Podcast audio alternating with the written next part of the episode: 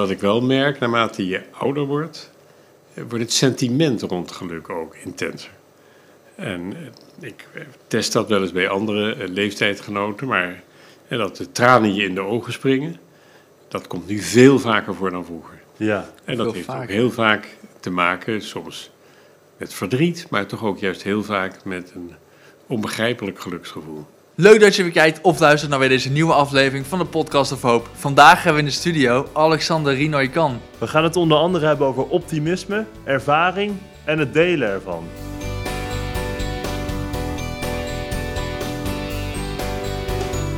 Podcast of Hope, moving towards happiness. Nou, leuk dat u er bent. Ehm, zoals u weet gaan we het hebben over geluk. Is dat een onderwerp dat u veel bezighoudt in het dagelijks leven? Niet veel, maar wel vaak. Niet, Dus als het mij bezighoudt, is het niet per se de hele dag. Maar, Maar wel frequent. Oh, oké. op af en toe kort. Ja, ja. Ja. ja. En En op wat voor manieren? Ja. Op momenten dat je je realiseert dat je het ervaart.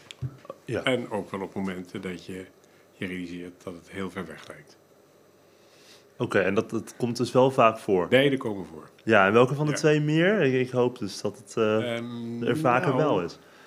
Het houdt elkaar toch redelijk in balans. Oké, Eh, ik, ik heb het niet bijgehouden. nee. Maar momenten van geluk, die zijn natuurlijk zozeer te koesteren dat die ook wel weer domineren in de herinnering. Dus laat ik maar zeggen, dat zijn dan toch de meest frequent.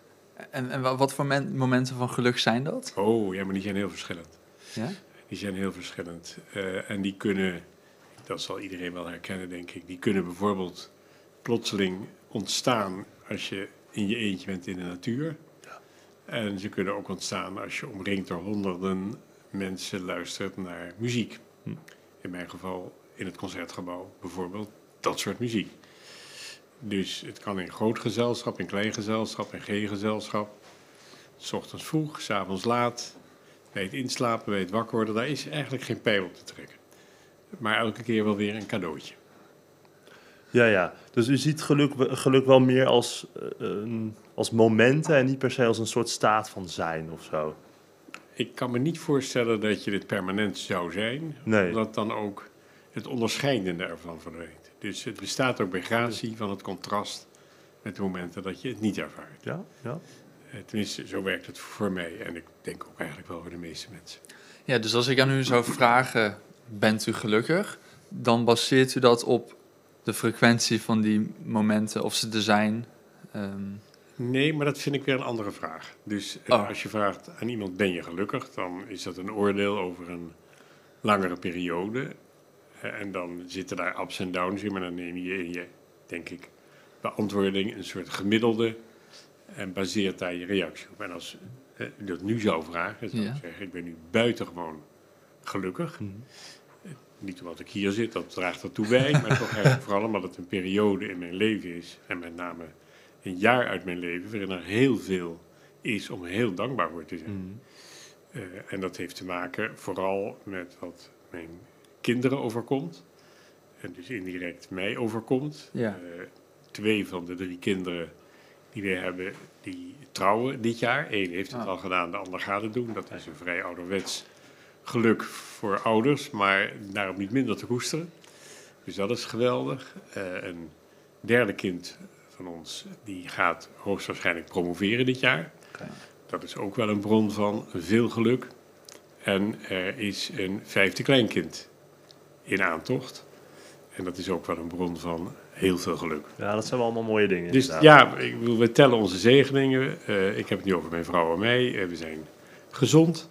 Hm. Dat is ook wel iets om dankbaar voor te zijn. Eh, er is veel om je zorgen over te maken hoor. Geluk eh, hoeft niet een naïeve staat van gevoel te zijn. Maar er is zoveel wat enorm onze kant uit is gekomen ineens. En wat nu samenkomt in dit ene jaar. Daar kun je alleen maar enorm dankbaar voor zijn.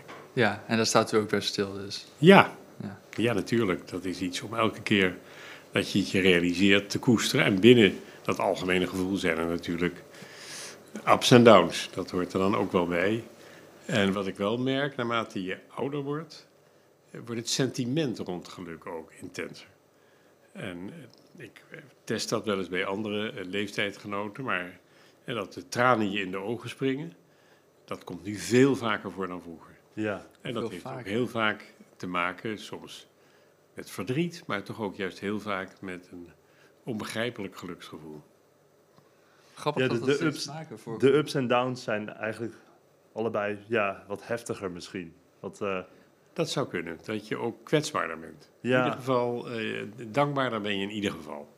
Ja. Omdat je ook weet, misschien steeds beter weet dat het ook anders kan. Oh ja, dat, ja, want ik wilde dus vragen waarom zou het steeds vaker voorkomen? Ik zou misschien zeggen, omdat je vaker gelukkig bent geweest, dus zwakt het gevoel een beetje af, je bent het wel gewend. Maar juist dus Nee. omdat je. eh, Nee, je weet, je weet steeds beter hoe dankbaar je moet zijn dat het gebeurt. En dat is denk ik, zou mijn verklaring zijn. ja. Dus u kan in principe, eh, misschien weer stom, maar gelukkiger zijn als ons. Want wij hebben nog niet zoveel ervaring. Zou, zou- Nou, dat, dat, dat, misschien op een andere manier. Eh, een geluksgevoel is ook een, een relativerend gevoel. Je vergelijkt je situatie van nu met vele andere momenten. Eh, dat doe je niet via een boekhouding, maar door het optellen van heel veel ervaringen in een hoog tempo. En als dat aanleiding geeft tot diepe tevredenheid, dan is dat ook een motivatie voor geluk. ja. En eh, als je jong bent, dan kan dat sneller en misschien daardoor juist frequenter gebeuren. En dan is het misschien ook weer wat vluchtiger. Ik, ik vind het lastig om dat in de tijd precies te volgen.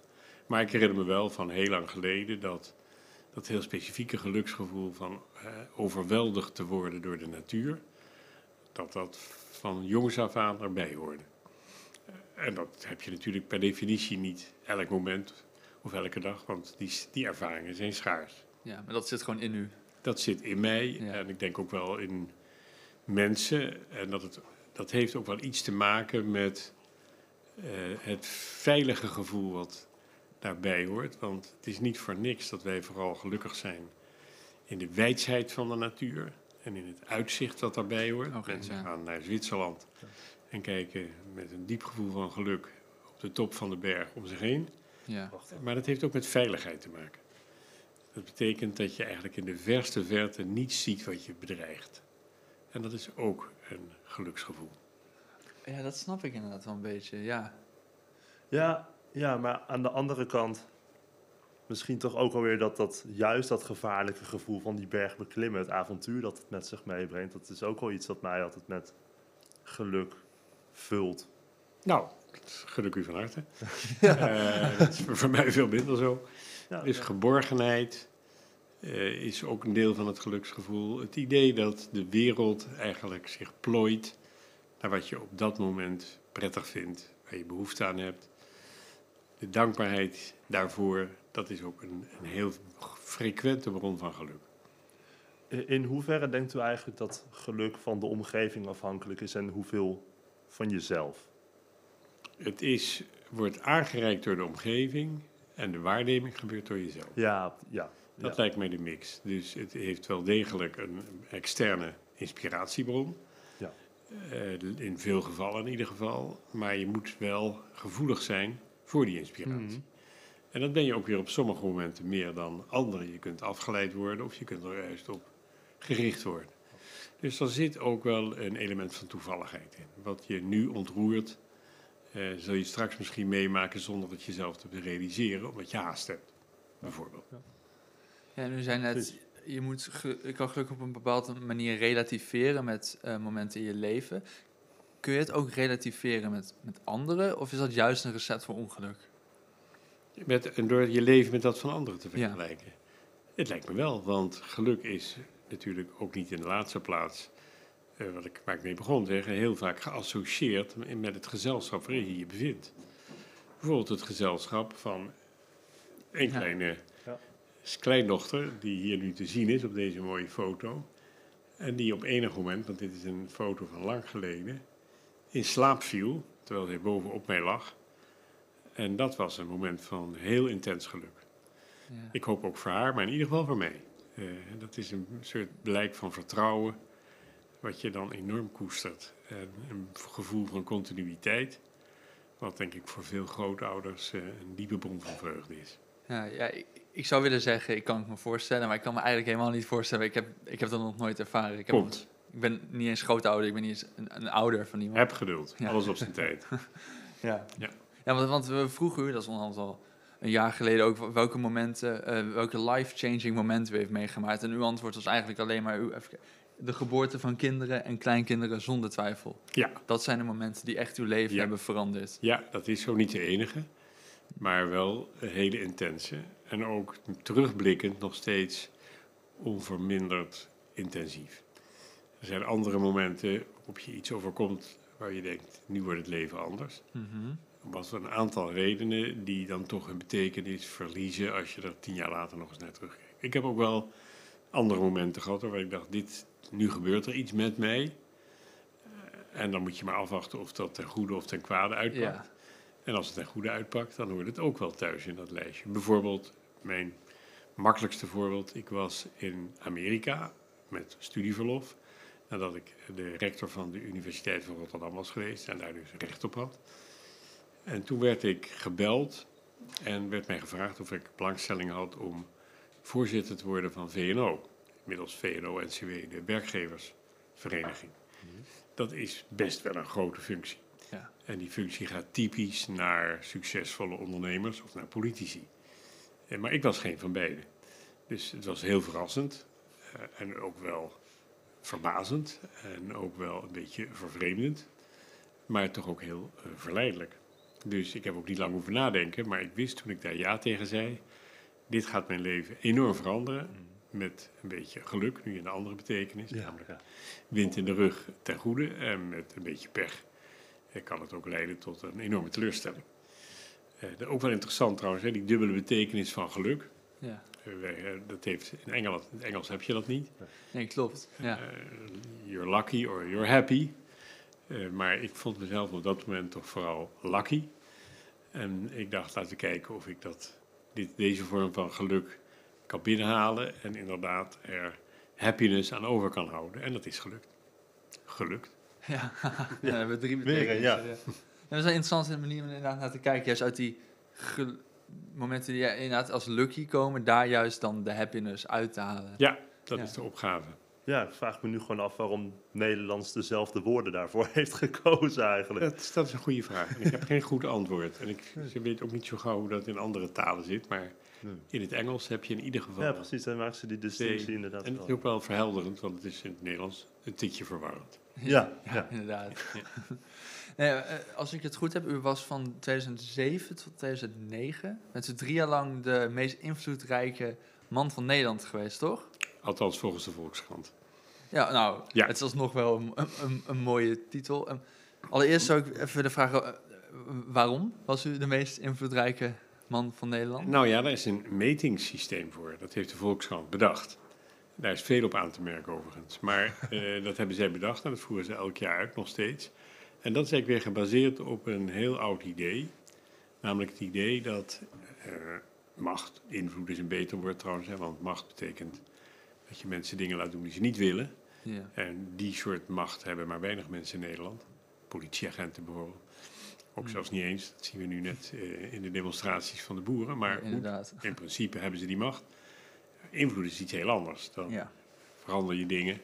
Maar dat doe je dan ook met de medewerking van betrokkenen. Maar goed, invloed. Hoe meten ze dat? Nou, het idee is eigenlijk dit. Eh, invloed heeft te maken met het aantal kringen waarin je verkeert.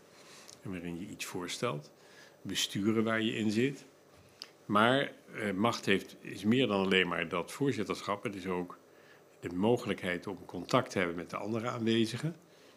Eh, en via hen weer met andere invloedrijke personen. Dus hoe meer kringen je in zit, die elkaar dan overlappen, Ja. hoe meer macht je hebt.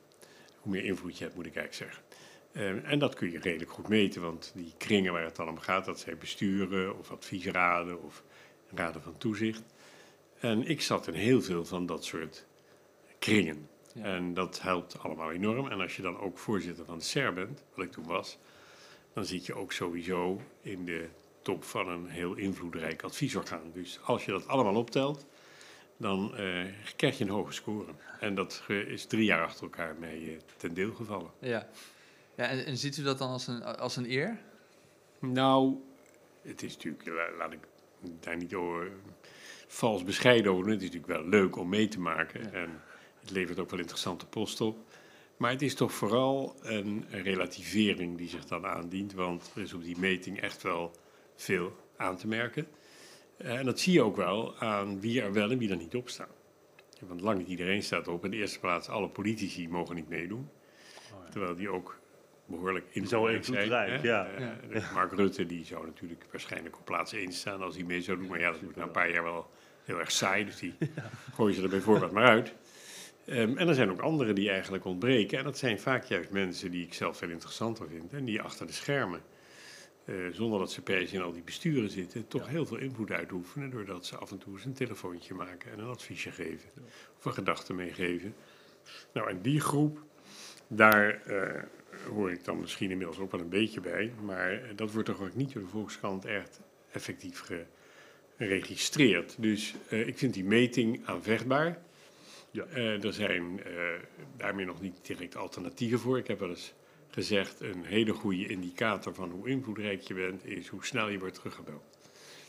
Dus als eh, je belt met iemand, die zelfs in het algemeen ook wel invloedrijk is, en die is er natuurlijk nooit, en dan zeg je het zou fijn zijn als ik even teruggebeld zou kunnen worden, dan is de snelheid waarmee dat gebeurt, dat is wel een goede invloedsindicator.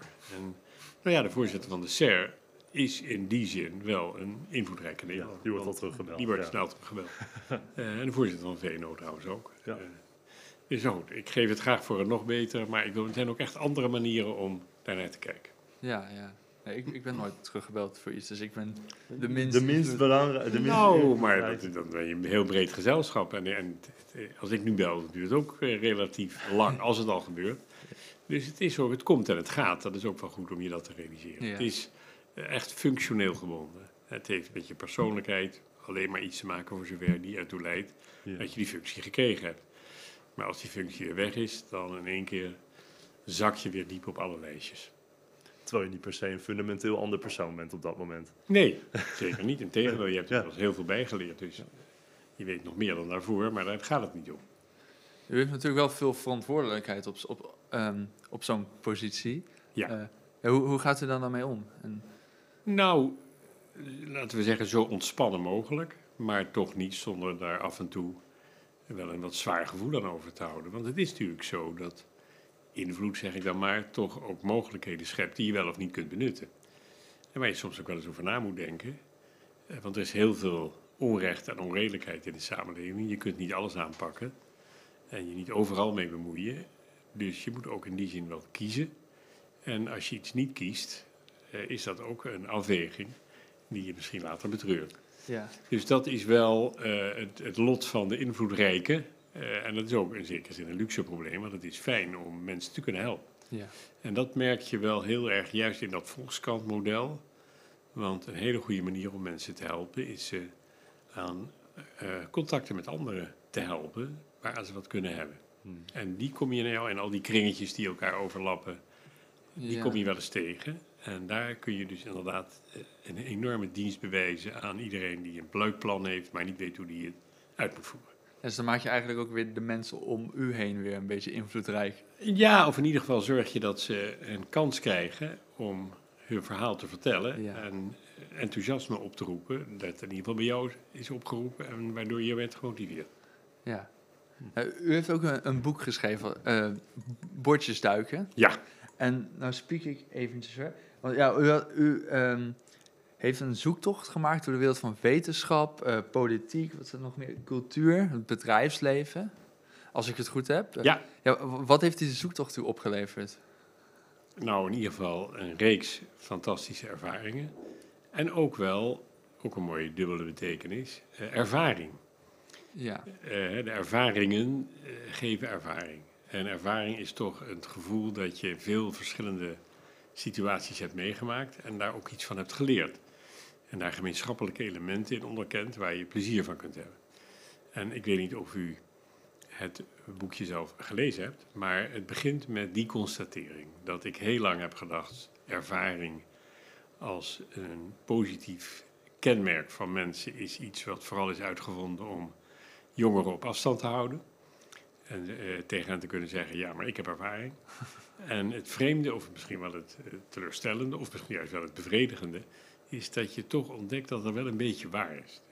Eh, Als je veel hebt meegemaakt, eh, dan kun je ook heel vaak herkennen wat er vertrouwd is in een nieuwe situatie. En dan kan je dat helpen om in zo'n nieuwe situatie toch op basis van die ervaringen te zeggen, laten we het zo doen. Of doe dat maar liever niet. Nou, dat bestaat dus. Ervaring is een ding. En dan is het ook wel weer je taak, vind ik, om die genereus ter beschikking te stellen en te delen met wie daar behoefte aan heeft. Ja, dat is het mooiste.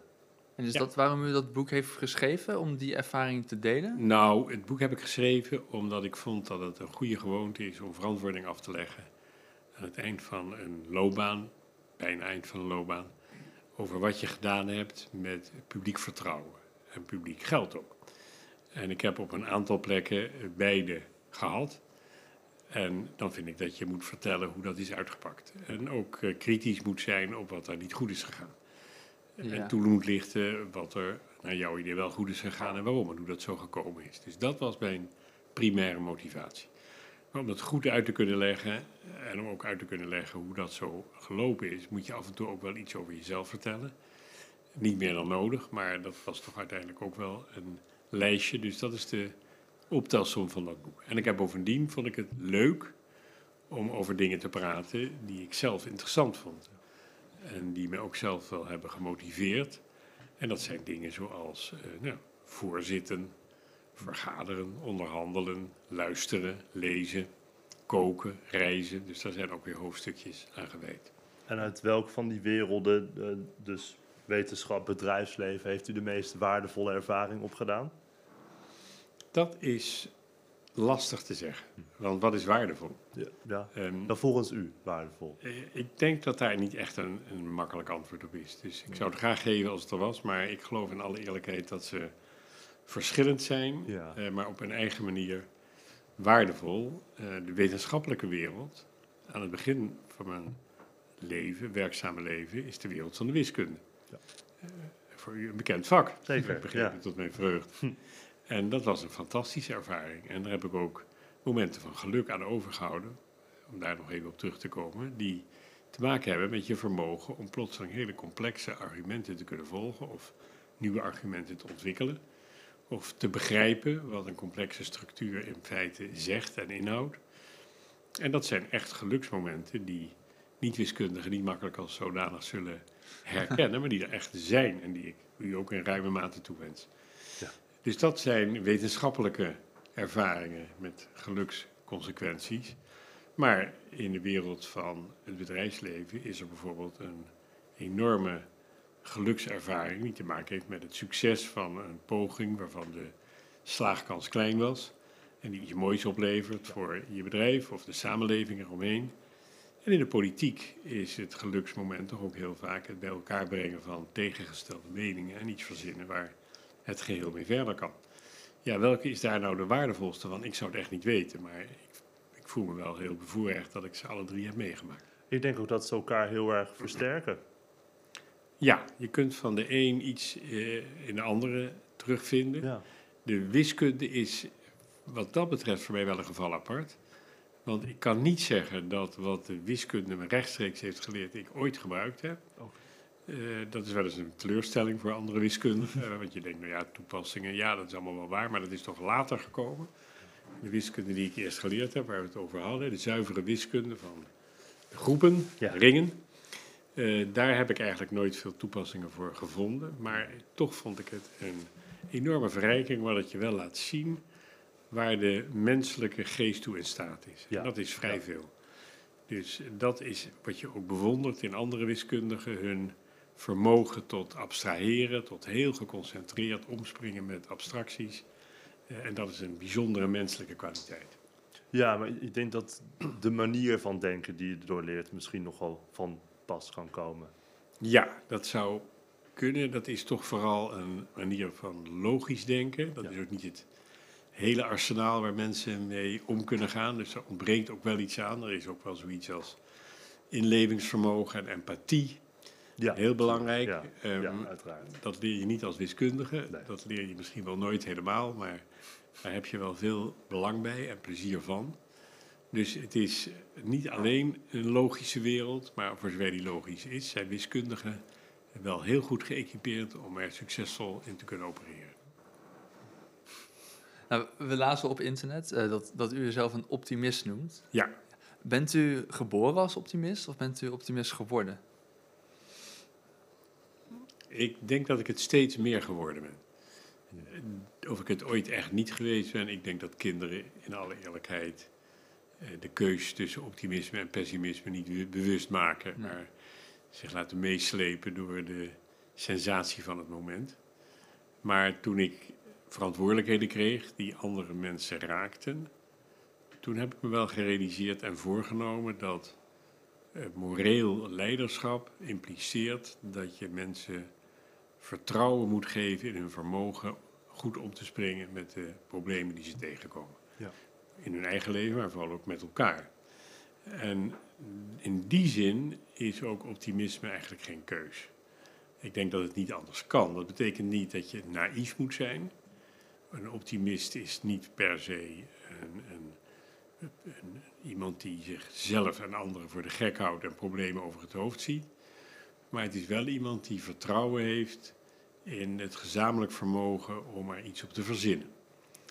Eh, Dus in die zin is het ook een plicht. En dat is ook eigenlijk wat ik mezelf heel vaak heb voorgehouden. Het is een, een morele plicht. Er is geen alternatief. En het gaat mij ook vrij natuurlijk en makkelijk af. Maar ik denk dat eigenlijk iedereen die leiding geeft en verantwoordelijkheid heeft, gehouden is zich dat te realiseren. Ja, dat kan ik me wel voorstellen, ja. He- heeft u ook een tip voor mensen die pessimistisch zijn? Hoe, hoe, hoe word je optimistisch als je pessimistisch bent? Daar zijn eh, vele methoden voor. Eén Ja? methode is om met je kleindochter samen te zijn en die haar, eh, aan haar in slaap te zien vallen bovenop je. Dat is genoeg om mij van een momentje van pessimisme direct weer te doortrekken met een diep optimisme. Zo ook de andere drie. Eh, dus dat kan heel goed werken. Eh, waar ik ook op sommige momenten, want die heeft iedereen wel eens, veel plezier van heb, is het vermogen van taal of muziek om te inspireren Mhm. en op te tillen. En muziek in het bijzonder kan eigenlijk je heel onverwacht zo treffen door zijn schoonheid en zijn structuur, dat daarmee alles wegspoelt wat je tot op dat moment zorgen baarde. Zo ook sommige gedichten. Eh, dus daar zijn allerlei methoden voor, gelukkig. Ja, En eh, de omgang met anderen is natuurlijk niet de minste methode, want ook niet, eh, laten we zeggen, niet kinderen, volwassenen of in ieder geval oudere kinderen kunnen je heel vaak in richting wijzen die je niet had gezien en waardoor je zorgen eigenlijk in één keer wegspoelen. ja, dus eigenlijk moet je op een bepaalde manier openstaan in eh, liefde voor anderen, maar ook in tot een oog krijgen voor schoonheid, als ik Ja, het goed Dat, zeg. dat, dat, is hopen, dat is te hopen, want dat zijn natuurlijk kwaliteiten die mensen hebben, die ze tot bijzondere wezens bestempelt, want dat wordt dieren niet of nauwelijks gegund. En dat zo zijnde eh, moet je je ook zelf in staat stellen eh, ze te registreren en er wat mee te doen. Ja. En dat is een enorm voorrecht. En dat is ook niet voor niks de reden dat ik zelf me altijd heel gelukkig heb gevoeld in de werelden van de kennis en de cultuur. Omdat daar eigenlijk die menselijke kwaliteit, die unieke kwaliteiten, hun fraaiste vorm vinden. Eh, Er zijn ook wel hele nare menselijke kwaliteiten die vrij uniek zijn. Het menselijk vermogen om met elkaar in grootscheepse ruzies te geraken en in grootscheepse conflicten te belanden. En het menselijk vermogen om de wereld juist niet verder te helpen, maar eh, ogenschijnlijk in ieder geval onderweg te helpen naar sommige momenten van vernietiging. Ja. Maar daar staat die kwaliteit gelukkig tegenover. Dus de mens op zijn aardigst, zou mijn stelling zijn, die vind je bij de overdracht van kennis of bij het eh, beleven, actief beleven van de cultuur. En daar moet je dus naar kijken. Niet naar de slechte dingen die we hebben gedaan, want dan word je misschien pessimistisch. Maar Je moet ze niet de- negeren, maar je moet onderkennen dat in die goede momenten ook kansen zitten om het met succes aan te pakken. dus staat optimisme op een of andere manier staat gelinkt aan geluk voor u. Zeker, zeker. Want wie een oprecht optimist is, heeft ook veel sneller, denk ik, redenen om zich gelukkig te voelen, ook in omstandigheden die vragen om bezorgdheid, uitnodigen tot bezorgdheid, maar die ook uitnodigen daar in gezamenlijkheid wat aan te doen. Dus eh, het is juist in de confrontatie met ingewikkelde kansen dat zich ook eh, mogelijkheden tot geluk aandienen. Ja, de, de optimist in tegenstelling. Nee, nee, net als de pessimist zien ze eigenlijk allebei de problemen. Maar in tegenstelling tot de pessimist doet de optimist er iets aan eigenlijk. Ja, omdat hij ervan overtuigd is dat dat kan. Dat het, ja, en dat het succesrijk zal zijn. Ja, ja, En dat het in ieder geval geprobeerd moet worden. En dat het domste wat je kunt doen, is het niet te proberen. Ja. Want dan gebeurt er zeker niks. dat is zeker waar. Ja. Nou, zoals u weet willen wij bij Hoop XXL ervoor zorgen dat aan het eind van de eeuw iedereen zijn leven, zijn of haar leven, met een 8 kan beoordelen. Hmm. Eh, en we vragen eigenlijk altijd aan onze gasten op welk, welk cijfer zij hun leven zouden geven op dit moment. Een negen. Een 9. Ja, ik, ik, ervaar, ik vaar mezelf als enorm bevoorrecht. Eh, heel gelukkig, tevreden, dankbaar. Je hebt allerlei redenen Ja. a- aangehoord die ik daarvoor heb kunnen geven. En die tellen allemaal op tot dat inzicht. Maar ik doe het ook wel met het besef dat dat een uitzonderlijk hoge score is. Ja. Dat is, dat is niet anders. Dus ik beschouw mezelf, ook dat probeer ik in dat boekje een beetje toe te lichten, als een zondagskind. Dat betekent niet dat er nooit dingen misgegaan zijn. Die zijn zeker misgegaan. Dat is ook heel goed om als benchmark mee te nemen. Maar grotendeels heb ik alle reden om mij heel erg gelukkig te prijzen. En dat komt in dat cijfer tot uiting. Mooi. En het is net geen 10. Is het mogelijk dat het ooit nog een 10 wordt? Nou, kijk, toen ik op school zat, toen zeiden de tien is voor onze lieve heer. Eh, de negen is voor de eh, meester eigenlijk. Maar goed, die pik ik nu maar in. nou ja, de, de acht was geloof ik voor... ehm, misschien was de negen voor de bovenmeester, de acht voor de, de leraar of de onderwijzer, de zeven voor de hardwerkende leerling. Ja. Eh, nou, ik spring nu maar in één keer naar die negen, maar je beseft ook wel dat er natuurlijk Ja. ook wel daar enige bescheidenheid op zijn plaats is. Dus de tien laten we die maar als onhaalbaar beschouwen. Maar u als hoogleraar heeft misschien dan wel op die manier recht op Ja, ik, nee, recht zeker niet. recht zeker niet. Eh, misschien een kleine kans, maar ik, ik ben al eh, meer dan tevreden met deze score. Ja. Heeft, het, eh, heeft u als hoogleraar ook, ehm, hoe zegt dat, enige invloed op, op het geluk bij, bij uw leerlingen? Ik hoop het wel. En nou ja, ik heb er een, een, wel een, net een leuk voorbeeld van meegemaakt, misschien. Oké. Het is grappig dat u dat nu net vraagt, want gisteren had ik een ontmoeting met de Nederlandse Nobelprijswinnaar Economie, Guido Imbens, die in Nederland was. En die vertelde dat hij in Rotterdam studerend een van mijn colleges daar had gevolgd en dat die wel hadden bijgedragen aan zijn voornemen om zelf in de wetenschap te gaan. Oh. Kijk, Nou, Ja. dat is nog eens een oud leerling. Ja. Eh, Daar, daar doe je het voor. En dat hij zo'n herinnering eraan houdt, dat vind ik wel een enorme...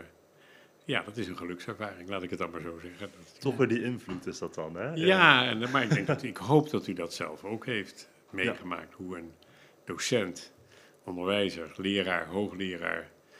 toch eh, door wat hij uitstraalt en meegeeft... kan bijdragen aan jouw eigen ontwikkeling en je geluk. Ja. En dat je dat ook eh, positief toerekent.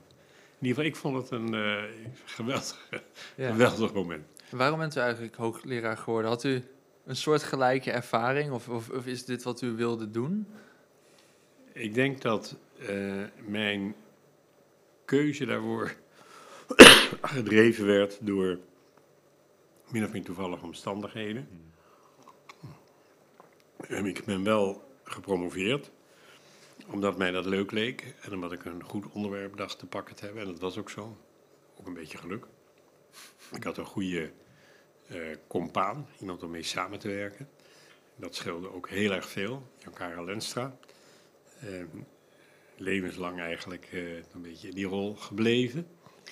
Ehm, en toen ik klaar was met mijn promotie, toen ontdekte ik dat ik, en dat was echt wel geluk, maar dan in de zin van lucky, in een gebied beland was dat heel erg in de mode begon te raken.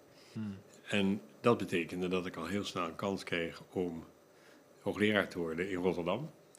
En nou ja, daar hoefde ik ook weer niet lang over na te denken. Eh, en dat was ook een geweldige tijd. Het, het overdragen van kennis. Ik ik zei het al eerder, is een van de mooiste menselijke kwaliteiten. Ja. Mensen op hun aardigst, hun best, hun creatiefst, hun positiefst. En om dat een aantal jaren te doen met hele leuke en ambitieuze studenten, zoals u beiden geloof ik ook bent, dat is een enorm voorrecht. En dat is eigenlijk hoe deze hele wereld is gebouwd, het overdragen van kennis. Dat is in ieder geval een belangrijke component. Ja. Wat mensen dan toch echt wel onderscheidt van de meeste andere diersoorten. Ja. Nou, u zit dus op een 9. Ehm, maar er zijn natuurlijk ook heel veel mensen in de wereld die, niet zo'n, eh, die misschien niet eens zo voldoende aan hun eigen leven kunnen geven. Heeft u wellicht ideeën hoe, hoe eh, ervoor, we ervoor kunnen zorgen dat dat cijfer omhoog gaat? Ik, nou, zeker. Eh, maar hoe hoger het cijfer, zou ik zeggen, hoe groter je plicht ook is om daaraan bij te dragen. Of, hoe- hoe, hoe, hoe hoog je eigen cijfer? Hoe hoger je eigen cijfer, Ja, dus hoe, meer je de plicht hebt om te zien of je dat bij anderen kunt teweegbrengen. Nou ja, dan zijn voor een deel zijn dat de, de standaard antwoorden, tijd, eh, aandacht, geld. eh, reserveren voor dat doel. Eh, geld, dat is naar, mogelijk naarmate je het hebt. Maar als je het hebt, en veel Nederlanders hebben toch in ieder geval wel wat, kun je toch in ieder geval een deel daarvan aan het goede doel schenken, wat dat ook mogen zijn. Eh, Heel veel daarvan hebben toch ook diezelfde ambitie. Eh, tijd en aandacht, ja, dat hangt ook vanaf van de plek die je bezet en de mogelijkheden die je ziet. Maar ik hoop dat mijn werk in de sfeer van de arbeidsverhoudingen, de SER, in het bijzonder, dat dat ertoe heeft bijgedragen dat in ieder geval voor een aantal mensen in en buiten Nederland de wereld er wat beter uitziet dan toen. Eh, en eh, dat zou in ieder geval wel een deel van mijn motivatie zijn geweest. Ja, precies. Ja, omdat u uzelf een 9 geeft, heeft u voor uzelf ook die plicht om, om, om dat te doen. Ja, dat vind ik Ja. wel. Dat, dat moet je zien voor wat het is. Een uitzonderlijk eh, meevaller. Dus, ah, maar in principe zou je dan ook kunnen zeggen dat dat voor, ik denk de meeste mensen in Nederland dan misschien wel hun plicht zou moeten zijn, toch? Ik denk dat de meeste mensen in Nederland wel een relatief hoog cijfer. Nou, de meeste, ja, dat is zo'n. Dat is een vage aanduiding. Ja, ja. Eh, laten, we, laten we maar zeggen, eh Gemiddeld groot aantal. Zeker wel. Misschien moet iedereen die in Nederland woont en profiteert van wat dit relatief toch nog steeds heel beschaafde land te bieden heeft, eh, zich gelukkig moet prijzen. En dat ook is. Maar er is in Nederland toch ook heel veel te verbeteren. En er zijn grote verschillen, die ook groter zijn geworden de afgelopen jaren. Ik, dat vind ik wel heel zorgwekkend en dat reken ik me ook wel aan. Dat ik toch in ieder geval dat niet heb zien aankomen of heb kunnen voorkomen. Ehm, dus dat is een, een, ook een gegeven. En de grote verschillen in geluk, Mhm. of je dat nu meet door gezondheid, levensduur, arbeidssatisfactie eh, of vergelijkbare indicatoren. eh, die grote verschillen die eh, maken het ook nodig om in Nederland aandacht te geven aan waar het minder goed gaat. En buiten Nederland is natuurlijk dat op veel grotere schaal waarneembaar.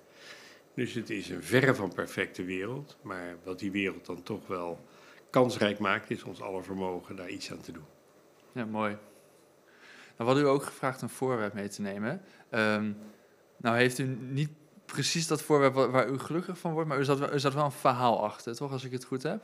Nou, ik heb er eerlijk gezegd niet aan gedacht, maar ik heb wel een voorwerp bij me wat een, eh, in die zin wel bijzonder is. En dat is eh, dit horloge. En dat heb ik mezelf cadeau gedaan toen ik 50 werd.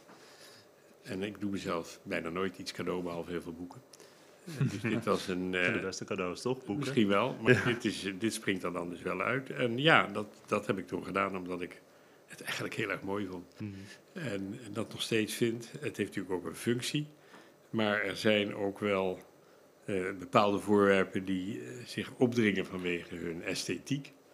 En ik vind dit een uitzonderlijk esthetisch ontworpen voorwerp met een dagelijkse bijdrage die ook eigenlijk dagelijks en klein genoeg is. Nou, ik moet zeggen, het is een heel mooi horloge. Ja, vond ik ook. Had er nog een speciale gelegenheid, dat cadeau aan uzelf? Ik werd 50. Oh, oh, echt? Oh, Ja. die- Dat is een verjaardags. Ja. ja, oh, ja, natuurlijk, ja. Verjaardagscadeau eh, van mezelf. Is dat iets wat we Ja, vaker ja. moeten doen? Onszelf een cadeautje geven? Nou, dat je het heel weinig doet, het geeft het ook weer een aparte betekenis. Ja. Één keer in de Dus, 50 eh, jaar. ik- maar ik zou zeggen, hè, kies je eigen stijl. Je kunt het ook eh, elke anderhalf uur doen. Ja. En eh, dan valt het weer wat minder op. Ja, Ik heb weer een cadeautje nodig. En eh, bestel. ja, ja. bijzonderheid is ook wel een deel van de charme. ja. Ja, dat is zeker waar. Ja, nou, als afsluitende vraag vragen we altijd of onze gasten een tip hebben voor de mensen die luisteren. Eh, hoe ze misschien gelukkiger kunnen worden, waar ze inspiratie uit kunnen halen. Dus bij deze. Ja, ehm, dat, daar moet je echt mee uitkijken, want dat komt dan heel gauw belerend over. En eh, ontlokt dan ook wel heel vaak de reactie, je hebt makkelijk praten. En dat is ook zo. Dus ik heb ook heel makkelijk praten vanuit mijn eigen eh, hoge score. Maar ehm, ik denk dat de beste manier om met succes op zoek te gaan naar het geluk in je eigen leven is om te zoeken naar momenten waar je je een nuttig onderdeel kunt voelen van een groter geheel. Ja.